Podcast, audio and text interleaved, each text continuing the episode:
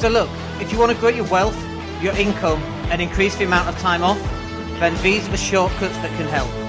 Welcome to the Wealth Creation Podcast. Good morning, everybody. It's Dan Latto speaking. Hope you're well today. So let's talk about. That's Luna the dog just saying hello. She does bark a lot. Uh, let's talk about four reasons why you should be live streaming more. And obviously, we're talking about this whilst we are live streaming, and the dog's just having a good old chat with people walking past the house. So there you go. And obviously, this is this is what can happen when you live stream. Nobody knows it's live, folks. Nobody knows. Uh, let me move my little arrow up here. Uh, one second. Anyway, look, hope you're well. It's weekend. It's a weekend. Uh, I hope you're ready to party and have a good one. Uh, it is bloody warm here in Spain, 30 degrees. Uh, just got back from CrossFit. We thought we'd go live. Um, and uh, in this session, I want to try and convince you to go live more. And I don't think you need to go live every day, but certainly the bare minimum should be once a week. Now, by the way, I, I need to say I'm a hypocrite. Just lay it out there. I'm a hypocrite because I've not been live for weeks. Like I went live last week, and then before that was a couple of weeks, and then before that was a couple of weeks. But we've been traveling. We've been to uh, uh, we've been to Spain because we live in Spain, but we've been to France, Paris, Disney. We went over to the UK. We had guests coming over. Very difficult to live stream in those sort of um, environments. Obviously, didn't have all the equipment. Have all the equipment back here, but then we had guests stay over for a week. So very difficult. But we're back to it, and also because it's summer, six week holidays. Uh, although it's like 12 weeks here in Spain. Uh, but it's summer holidays and everybody's home. Uh, and so the little one's out at uh, equestrian, horse riding at the moment. So that's one of the reasons why we can go live. Um, but the reason number one as to why you should be live streaming more is just to increase awareness. And this is the thing, okay? It's not even like people are sitting glued to the screen watching every word that comes out of your mouth. And I don't want you to think that that's what happens because I, I can pretty much guarantee that's not what happens, right? But what does happen is that they can see you going live and then you go live again, and we go, oh look, Dan's live again, and then you go live again, and we go, oh look, Dan's live again, and again, and again, and again, and the more that they see you going live, the more that they believe how passionate you are about your business, how you can help people, how uh, much more credibility and trust is is going on in that in that sphere because you're going live, you're presenting yourself without editing to the world, and people can make comments, and you can reply to comments, and you could be a complete ass or you could be really nice. And so you've got all these different ways of presenting yourself. And so this will allow you to increase awareness and you can do this across multiple different platforms all at the same time. So for example, we are going live today. I don't know what we're on today. I think we're on YouTube, LinkedIn, Twitter, and several Facebook uh, channels. Um, and so we're live across all of those all at the same time.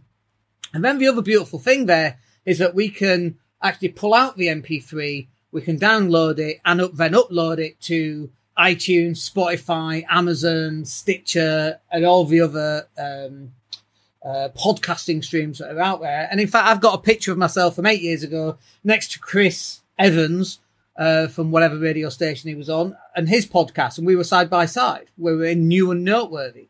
And so you're definitely able to increase awareness through your podcast, and people will stumble upon your podcast by accident. And so it's a great opportunity for you to increase awareness. Now, my live videos go on for maybe 15 minutes, maybe 20 minutes, maybe an hour, maybe 10 minutes, but we don't have to. You can go live for like six minutes. You could, you know, if you've got one thing that you want to share, and this is one thing that we're really bad at, by the way, is, you know, we've got it all here. We just have to type what it's about and go live and we can get that message out, you know? So it's like interest rates. We should do a live interest rate thing 11.59 we go live, 12.03 we finish, four minutes we're talking about the interest rate results uh, for the Bank of England. So stuff like that uh, would be very useful as well. And one of the beautiful things there about going live for very short periods of time is that uh, one, it doesn't take a lot of uh, effort. Number two is people will actually stay and watch. If you're saying I'm live for four minutes, people actually watch the whole four minutes. Whereas if you're live for 15 or 20 minutes, you don't know how long they're going to stay for because they don't know how long the live stream is going to be for. Um, the only other thing I would say here on the increased awareness is, for example, this live stream, which will go for about 10 or 15 minutes max, we will then pull out smaller uh, shorts or reels or chunks of video, and then we'll redistribute those across um, social media as well with links either back to the website or if we talk about website design, for example, we'll put a link back to our website page. And so again, it's about increasing awareness. So you do the work once and then you put the content out multiple times across multiple channels. And so you're increasing awareness that way. And then that nicely leads me on to the fact that it's going to build trust with you live streaming more. So one of the uh, comments that we often get is when we get on a strategy call and we don't close any business un- unless we've had a, a meeting, uh, you know, like this really, a sales meeting of some kind, um, to talk about their marketing. But when they come on that call, they're like, "Oh, Dan, you're just like you are in your in your lives," and I'm like, "Of course I am. I don't. I'm you know, I'm not a foot taller. I'm not blonde. I'm not, uh, you know, I've not got a posh accent. When when we then get onto a call, I'm, I'm just me." And so what that does is it reduces the barriers, which is really cool. We're going to talk about that a little bit later as well. But this is about you building trust. And the more that people see you, the more that people will, will trust you. They might not like you, by the way, and that's fine because those that don't like you will never waste your time getting on a call because they don't like you. They might as well find that out during a live stream than getting on the call to find out they don't like you. Conversely, they might like you.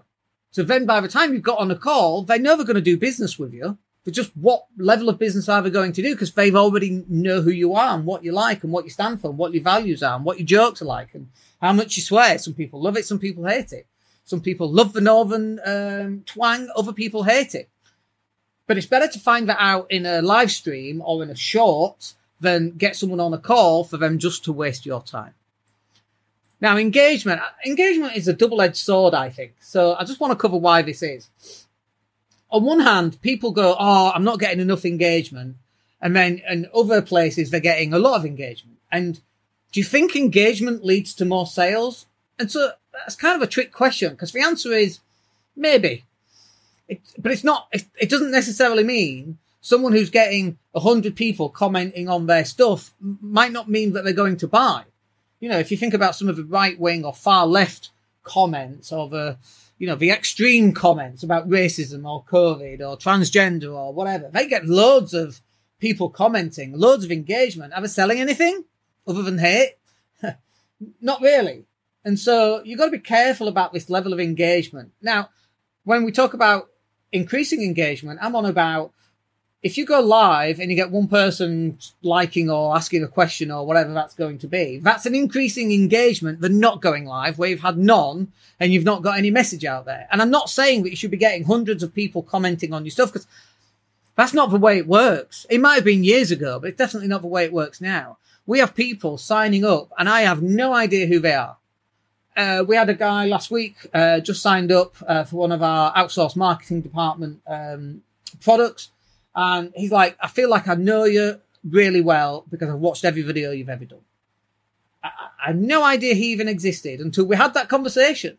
And I might have seen him maybe, his name rang a bell, and maybe I've seen him on the property circuit and so on. But this is the level of engagement. It's not necessarily something that, that you're seeing people typing up on social media or liking what you say and do. They're just watching it. And I know that's not really engagement, that's just viewership, really. But for them, they're engaging with your content. You, they're just not liking or commenting. There's a, you know, there's levels to this level of engagement. And most people, if they're not getting likes or comments, they think there's no engagement. And it's ridiculous. You know, this live stream might get 20 people watching it. The MP3 will get thousands of people downloading it. The shorts might get several thousand people watching it. And people go, oh, well, it's not enough people. Well, 20 people is a coffee shop a thousand people is a, a small concert and a couple of thousand people is a big concert. That's amazing, right? That's still engagement. Just because they're not liking it and, and writing comments, uh, doesn't mean that it's not working.